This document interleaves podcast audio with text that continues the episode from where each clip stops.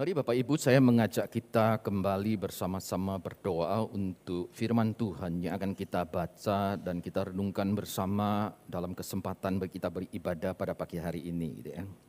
Kita mohon pimpinan Tuhan. Bapak Surgawi terima kasih. Engkau menolong kami menjalani hari-hari yang ada. Keberadaan kami terpelihara itu karena kasih setia dan rahmat yang datang daripada Tuhan. Bersyukur di awal tahun kami boleh mengambil bagian di dalam sakramen perjamuan kudus. Tuhan sekali lagi memelihara akan iman kami. Ikatan perjanjian yang Tuhan bangun. Senantiasa melekat dalam hidup kami sampai akhirnya ya Tuhan.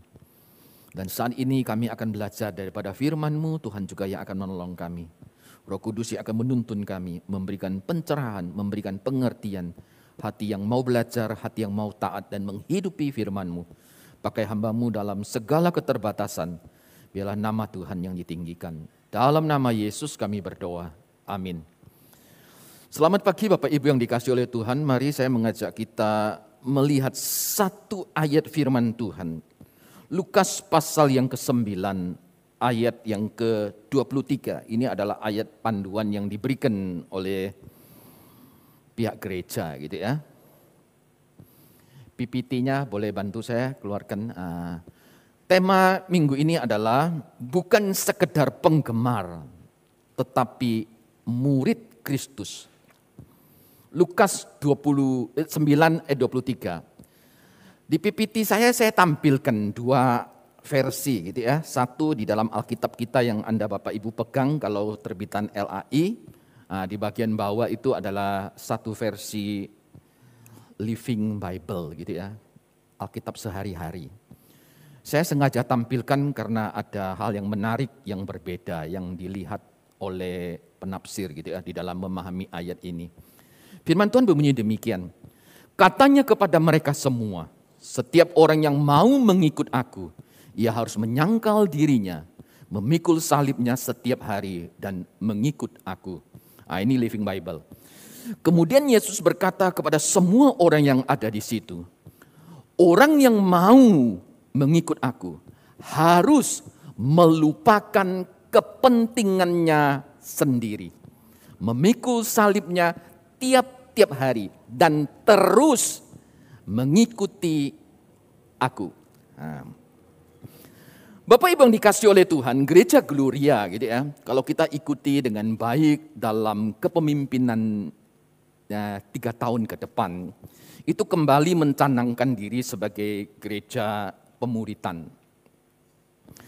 Dalam 10 tahun terakhir, dalam tiga periode yang kita lalui bersama, boleh dikatakan semua gerak dan dinamika bergereja, pelayanan di Gloria adalah diarahkan atau difokuskan kepada pemuritan Nah oleh karena itu kalau kita lihat hari ini setiap gereja lokal gitu ya, kita sudah memiliki kelompok pemuritan atau GDG, Gloria Discipleship Group.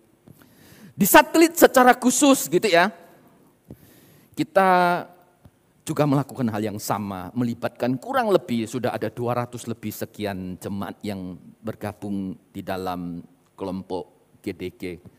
Mulai dari remaja, youth, di kelompok KW, guru sekolah minggu dan jemaat dewasa yang ada gitu ya.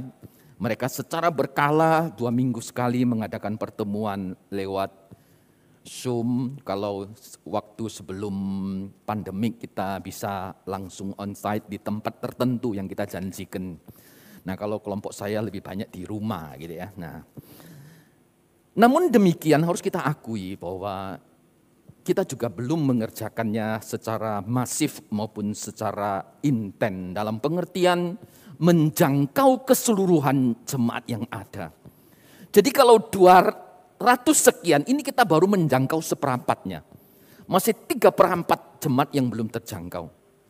Nah oleh karena itu gereja tahun ini ya dalam tiga periode ke depan itu mencanangkan tema ini. Together Building Gloria Discipleship Community adalah dengan harapan supaya lebih banyak jemaat yang siap untuk dimuridkan dan memuridkan. Gitu. Dengan demikian biarlah lebih banyak jemaat yang boleh terlibat, tergabung di dalam pemuritan yang ada. Oleh itu saya men-challenge Bapak Ibu gitu ya, yang belum bergabung mari tahun ini kita gabung gitu ya. Bisa hubungi saya, bisa hubungi rekan-rekan majelis atau rohaniwan yang lain. Nanti kita akan uh, mengelompokkannya gitu ya. Sesuai dengan kebutuhan kelompok-kelompok yang ada gitu ya. Kita juga akan menyiapkan mentor-mentor yang ada. Nah selaras dengan hal di atas Together Building Gloria Discipleship Community. Maka adalah tepat di hari pertama, di minggu pertama, hari kedua minggu pertama tahun ini. Kita memikirkan ulang pengiringan kita kepada Kristus. Apakah kita ini sungguh-sungguh mengikut Tuhan sebagai murid atau engkau dan saya hanya sekedar melibatkan Tuhan dalam urusan kita. Kita sungguh-sungguh menjadi murid atau sekedar penggemar, pengagum yang bersemangat di dalam kehidupan kita hari lepas hari. Perkembangan gereja kalau kita lihat hari ini ya, kita sungguh bersyukur kepada Tuhan khususnya di Indonesia. Kalau engkau sering mengikuti gitu ya melalui media yang ada gitu ya dengan segala platform yang ada, engkau akan lihat perkembangan kekristenan Indonesia itu begitu luar biasa. Baik dalam pengertian kategori kita sendiri maupun dari seberang yang berpindah.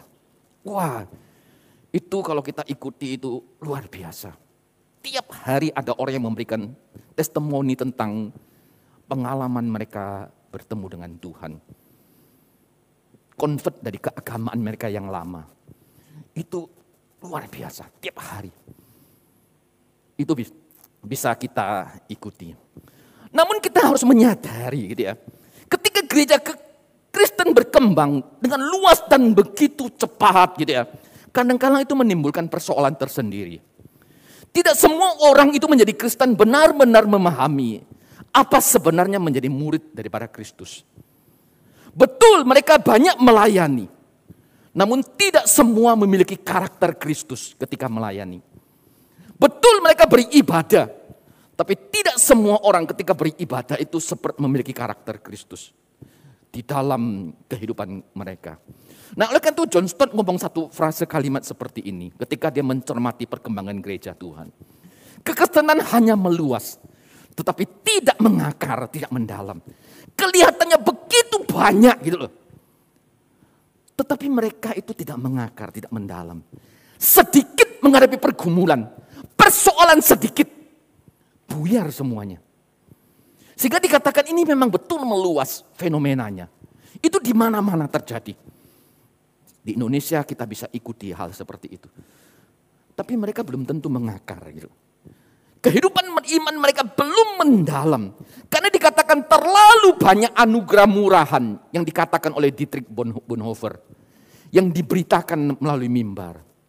Sehingga banyak orang sekedar ikut-ikutan dan tidak pernah menjadi pengikut sejati atau murid daripada Kristus. Karena mereka merasa nyaman, itu saja. Mereka mendengar rasanya kok pas. Tapi apakah mereka murid? Belum tentu. Bagian firman Tuhan yang kita baca ini akan menolong kita gitu ya. Apa artinya menjadi murid Kristus? Gitu. Nah teks yang kita baca di dalam Lukas pasal yang ke-9 ayat 23 ini. Nah mengajarkan tiga poin yang penting gitu ya. Yang pertama, menjadi murid itu berarti menyangkal diri. Apa sih yang dimaksud dengan menyangkal diri gitu ya? Kalau engkau mencoba membaca Alkitab lebih luas, secara khusus dalam tulisan Paulus di dalam Efesus pasal yang keempat, di situ Paulus menjelaskan perbedaan manusia lama dengan manusia baru. Manusia lama dengan segala karakternya. Pencemaran, hawa nafsu, keserakahan, tipu daya, kejahatan, fitnah, iri, dengki, dan seterusnya. Sekarang kita ada di dalam Kristus sebagai manusia yang baru. Maka di situ kita memiliki satu karakter hidup yang baru. Kemurahan hati, belas kasihan, cinta kasih, kelemah lembutan, kesabaran, dan seterusnya. Nah Paulus di situ menjelaskan ketika terjadi perubahan status, engkau dan saya yang sudah menjadi manusia baru, maka kita disebut sebagai orang-orang yang kudus. Ini tidak berarti bahwa kita ini tidak berdosa. Tapi ini bicara soal status daripada pengkudusan yang engkau dan saya jalani sebagai orang percaya. Dan status pengkudusan ini, ini adalah sesuatu yang sifatnya progresif di dalam hidup orang percaya. Dan itu terus menerus tiap-tiap hari. Nah di situlah kita mematikan akan dosa dan terus berjuang untuk hidup kudus di hadapan Tuhan. Jadi ini satu perjuangan. Di tengah-tengah dunia ini bagaimana kita menyangkal keinginan kita yang bertentangan dengan kehendak Allah. Lalu kita matikan di dalam perjalanan hidup. Nah, Scott Haber dia menggunakan satu istilah begini. Dalam penyangkalan diri dia katakan kita harus memotong setiap ranting pohon yang menghasilkan buah yang buruk atau dosa. Dalam diri kita itu seperti dikatakan oleh Yesus di dalam pokok anggur yang benar. Maka setiap ranting yang tidak bersih, maka itu akan dipotong, akan dibersihkan. Ini bicara soal karakter kehidupan kita yang lama yang berdosa itu. Haber mengatakan di dalam proses penyangkalan diri itulah satu demi satu, sebagian demi sebagian dipotong. Tentunya dalam proses pemotongan itu tidak nyaman sungguhan. Tidak nyaman, sakit. Tetapi itu adalah satu proses yang harus kita jalani. Supaya apa? Dari proses pemotongan itu timbul satu tunas yang baru. Ah, di situlah kita menghasilkan karakter-karakter hidup yang baru di hadapan Tuhan. Muncul, ya. Depan rumah kami, kami ada tanam sejenis jeruk dia, sonkit. Pak Jitung mungkin tahu, yang lain mungkin tidak tahu. Yang saya sering bikin sup ayam itu, saya tanam. Berapa waktu lalu dipotong, sekarang dia lebat.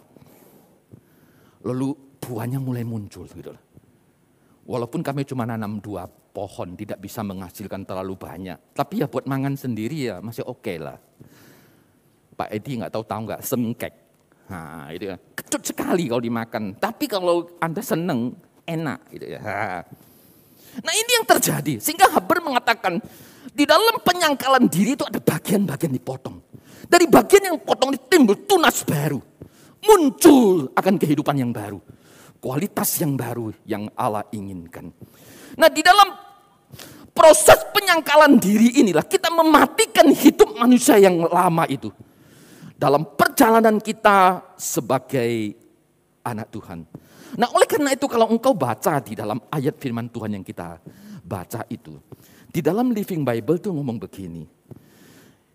Orang yang mau mengikut aku harus melupakan penyangkalan diri itu melupakan dikatakan kepentingan sendiri. Ya, nah oleh karena itu Paulus juga mengatakan tiap-tiap orang hendaknya mementingkan kepentingan bersama, bukan kepentingan berdiri.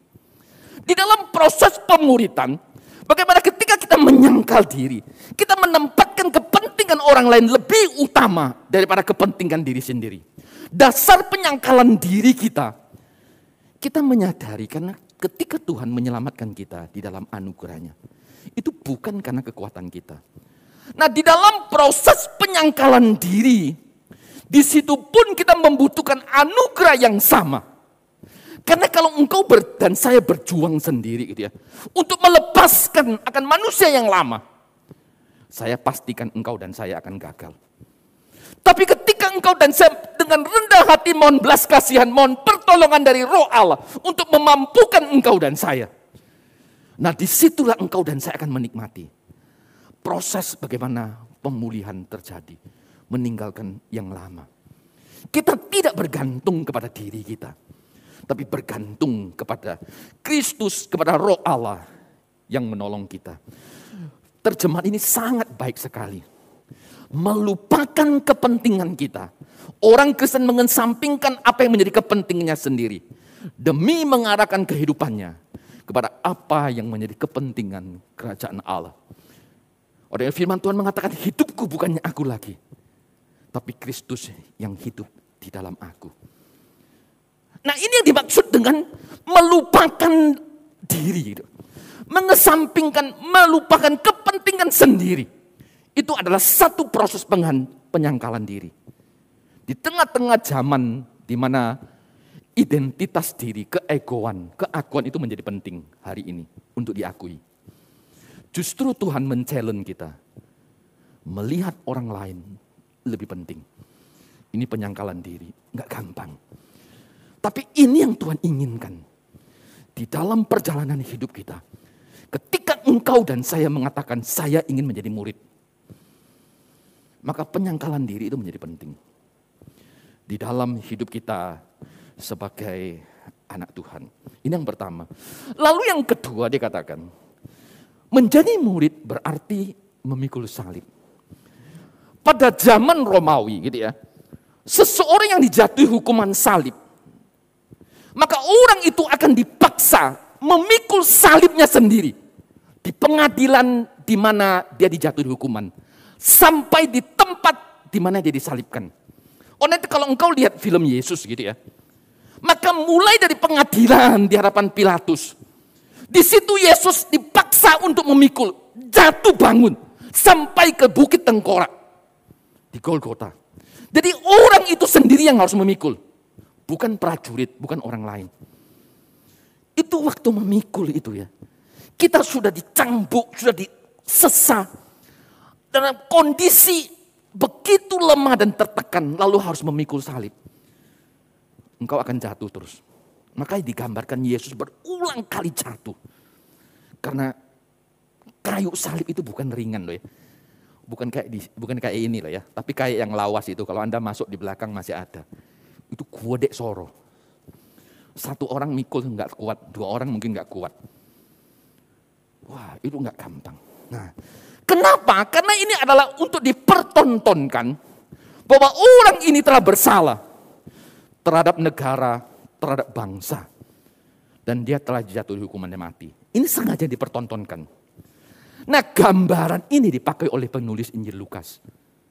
Adalah ingin mengatakan bahwa orang Kristen yang ketika dia mengatakan saya menjadi murid dan memikul salib.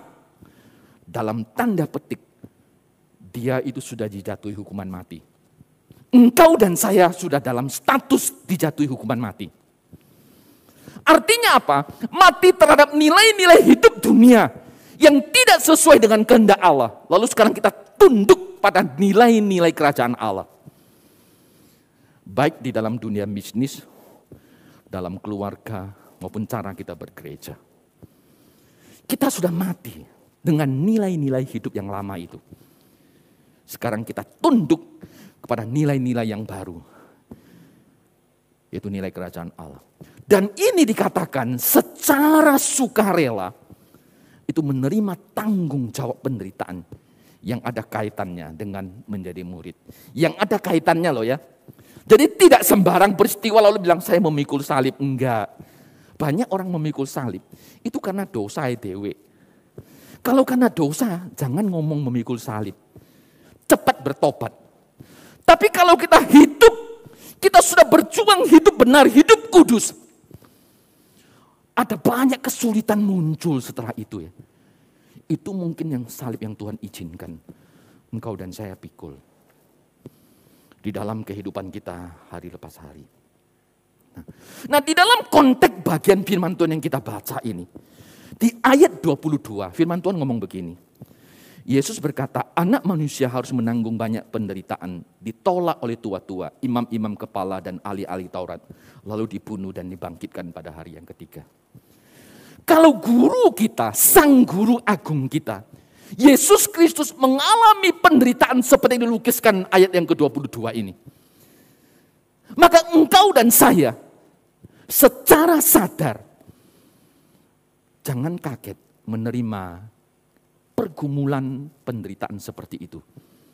Oleh itu Yesus katakan apa? Harus memikul salib. Karena di dalam Lukas pasal yang ke-6 Ayat yang ke-40, Yesus mengatakan bahwa seorang murid tidak akan lebih daripada gurunya. Barang siapa yang telah tamat pelajarannya akan sama dengan gurunya. Zaman dulu kalau guru loh ya, itu tidak seperti sekarang. Jam tertentu kita di sekolah waktu masih onsite gitu ya. Setelah itu pulang. Sekarang online, virtual. Dulu kalau jadi murid itu tinggal sama-sama. Hidup sama-sama, tinggal sama-sama, jalan bersama-sama, melakukan aktivitas bersama-sama. Dan semuanya itu adalah melihat apa yang dikerjakan oleh guru. Itu seperti kalau kita gitu ya, seminari. Jadi 24 jam hidup bersama-sama. Itu guru pada zaman itu. Jadi seorang murid itu hidup bersama-sama dengan gurunya, dengan semua aktivitas yang dikerjakan.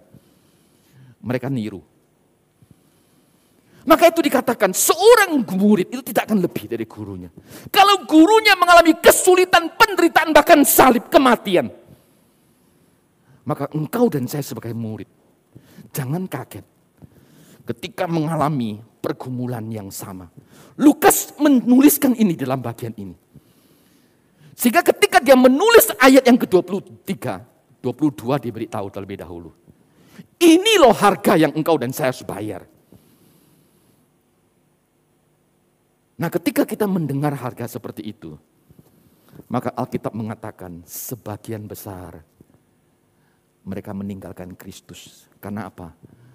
Perkataan ini terlalu keras firman Tuhan katakan. Maka sejak saat itu mereka pergi meninggalkan Tuhan. Bagaimana dengan engkau dan saya hari ini? Ketika membaca ayat yang sama, betul perkataan ini keras. Apakah engkau tetap ingin menjadi penggemar, pengagum, atau menjadi murid?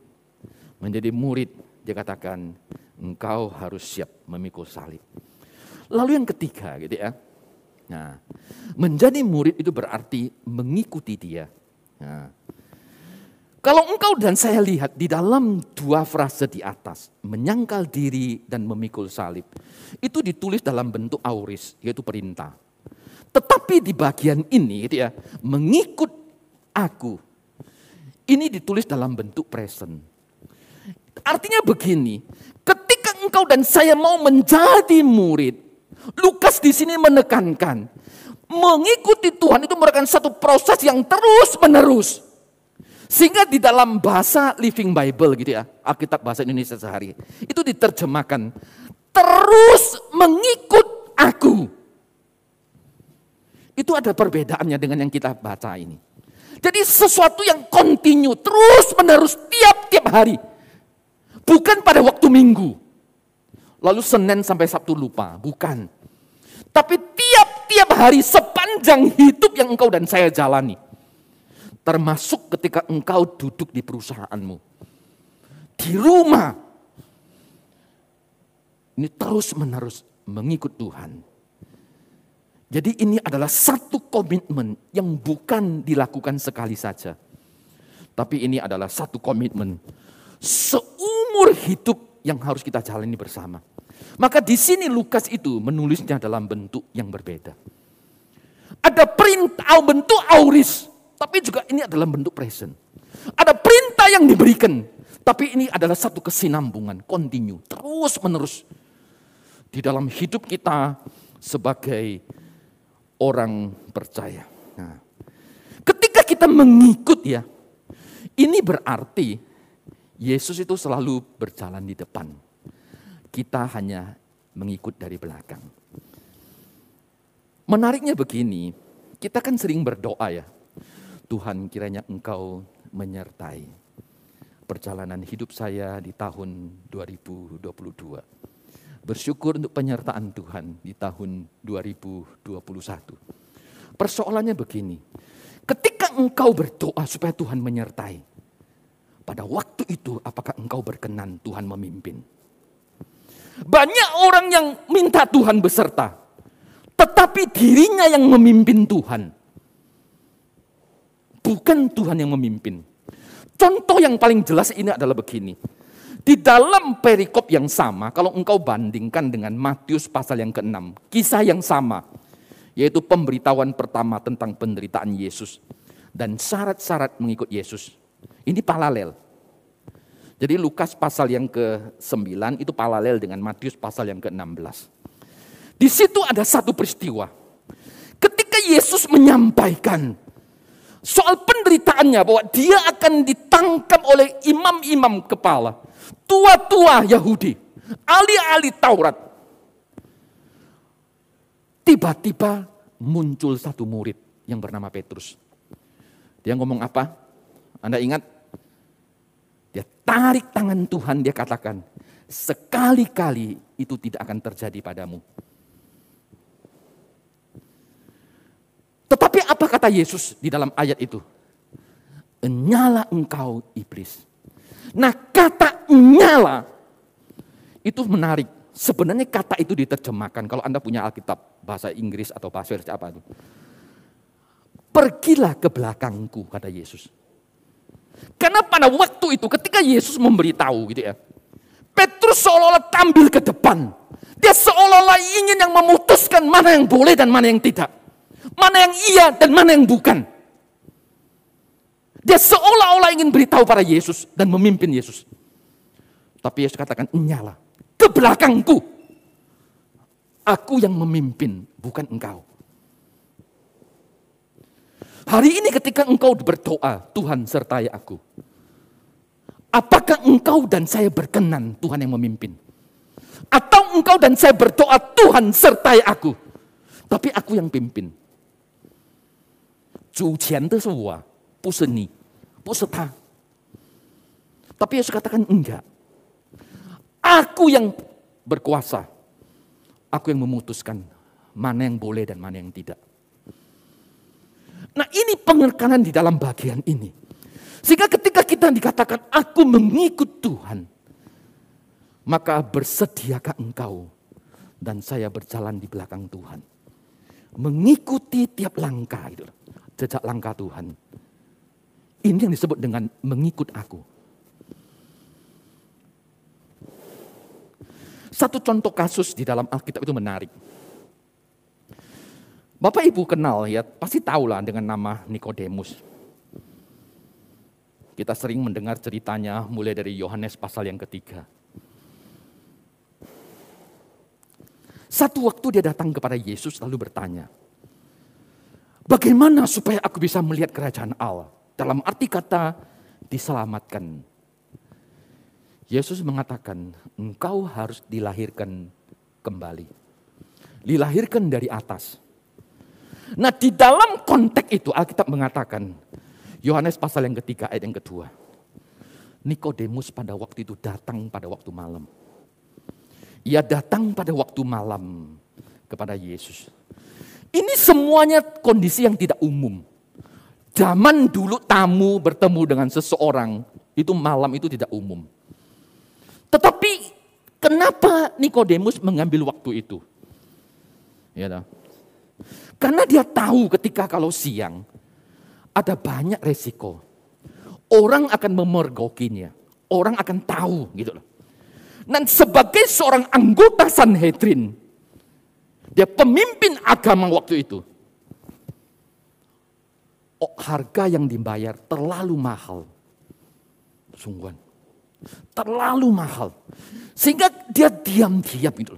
Supaya jangan dipergoki orang lain. Hari ini kita ketemu orang seperti ini enggak? Banyak.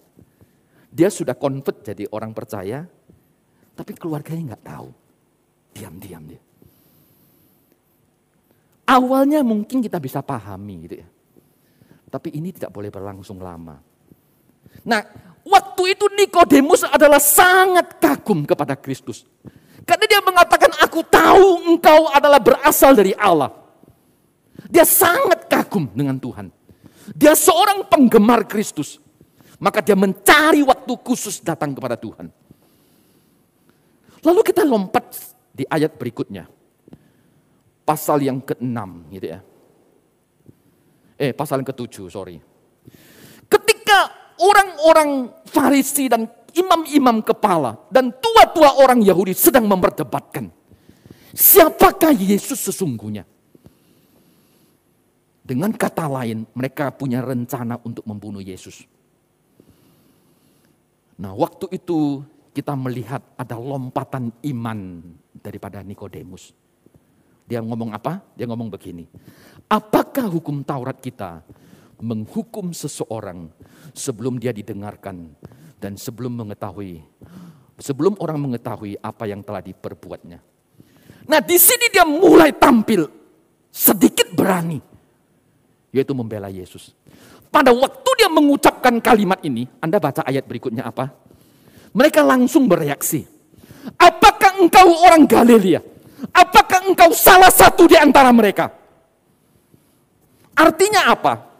Kalau engkau berpihak kepada Kristus, maka engkau menjadi musuh kami. Dia sebagai seorang pemimpin Sanhedrin, tokoh agama yang dihormati. Ini harganya terlalu mahal sungguhan. Terlalu mahal. Setiap saat Nikodemus bisa mati. Itu terlalu mahal harganya. Ini seperti begini loh. Ketika engkau ketahuan sebagai orang Kristen, kamu Kristen ya? Iya pak, sorry ya, tender kita nggak jadi.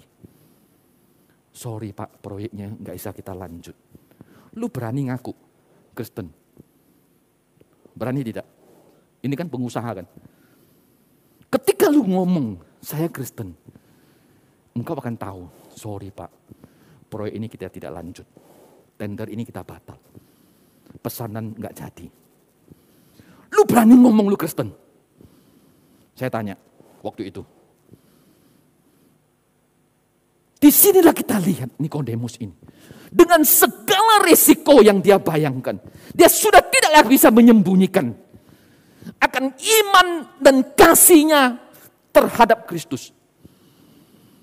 Sehingga dia berani membela.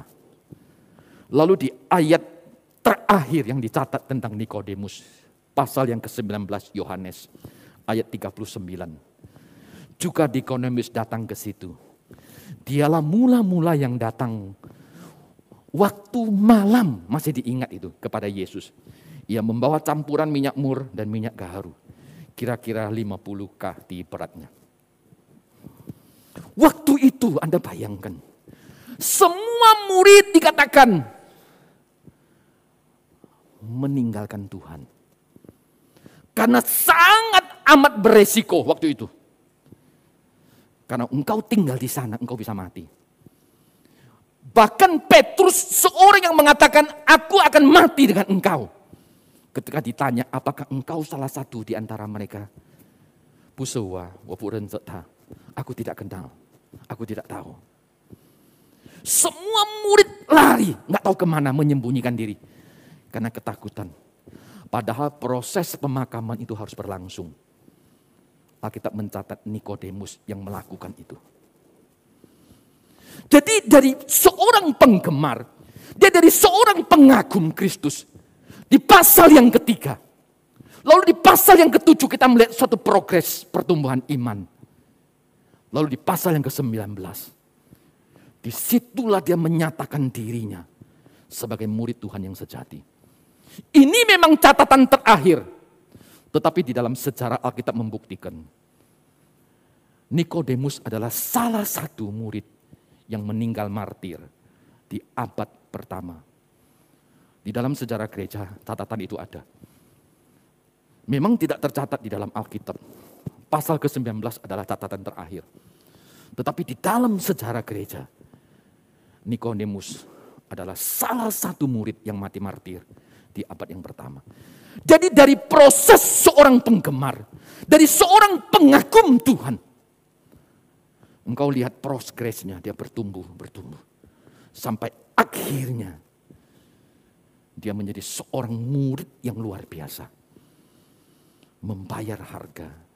Nah ini yang disebut dengan menyangkal diri, memikul salib, dan mengikut aku.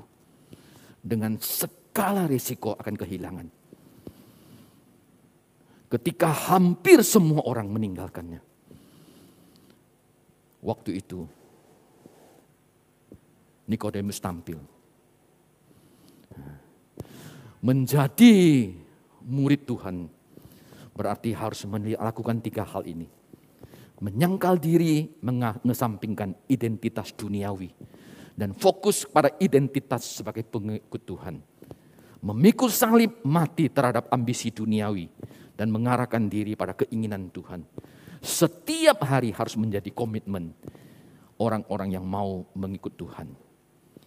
Karena Alkitab mengatakan di ayat yang ke-24, barang siapa kehilangan nyawanya karena aku, ia akan menyelamatkannya. Tapi barang siapa yang memelihara nyawanya, dia akan kehilangan nyawanya. Jadi kalau engkau baca tiga ayat itu, engkau akan menangkap. Mengikut Tuhan, itu penuh dengan resiko. Ada harga yang sangat mahal. Engkau dan saya harus bayar. Bukan sekedar anugerah murahan seperti yang dilihat oleh Dietrich Bonhoeffer. Bukan. Tapi anugerah yang begitu mahal yang Allah titipkan kepada engkau dan kepada saya. Pertanyaannya adalah begini. Siapkah engkau dan saya berubah atau beranjak dari kursi penggemar pengagum menjadi pengikut yaitu murid Tuhan yang sejati. Siapkah engkau dan saya meninggalkan semua proses yang menghambat pertumbuhan iman kita? Dosa, relasi, pekerjaan, kebiasaan, hobi, dan banyak hal. Manusia lama yang kita tinggalkan. Siapkah engkau ketika kita memasuki tahun yang baru ini? Kiranya Tuhan di dalam anugerah dan belas kasihannya memampukan engkau dan saya. Mengiringi Tuhan sebagai seorang murid yang rela membayar harga. Dan nama Tuhan ditinggikan dan dimuliakan. Barang siapa kehilangan nyawanya karena aku, ia akan menyelamatkannya. Amin. Kita berdoa.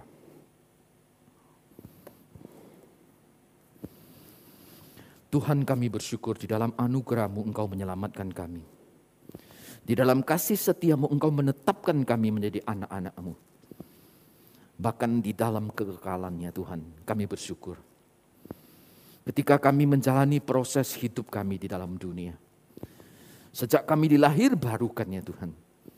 Di situlah kami mulai belajar selangkah demi selangkah. Meninggalkan manusia lama kami dan kami mengenakan manusia yang baru dengan segala karakter-karakter ilahi yang Tuhan inginkan. Tuhan tolong kami ya Tuhan. Kalau selama ini manusia lama kami terus menguasai akan hidup kami. Biarlah bagian-bagian itu Tuhan potong. Tuhan pangkas. Supaya tumbuh tunas-tunas baru. Menghasilkan buah-buah roh yang berkenan di hadapan Allah. Berkati umatmu ya Tuhan di Gloria Kota Satelit ini. Di dalam kami mengawali tahun baru ini. Biarlah kami kembali mengambil satu komitmen. Tuhan kami mau menjadi murid. Bukan sekedar pengagum. Bukan sekedar penggemar. Kami mau diikut, dipimpin oleh Tuhan. Bukan memimpin. Tuhan tolong kami kami menyerahkan akan hidup kami, masa depan gereja ke dalam tangan Tuhan. Tuhan sertai kami. Terpujilah engkau ya Bapa. Dalam nama Yesus kami berdoa dan mengucap syukur. Amin.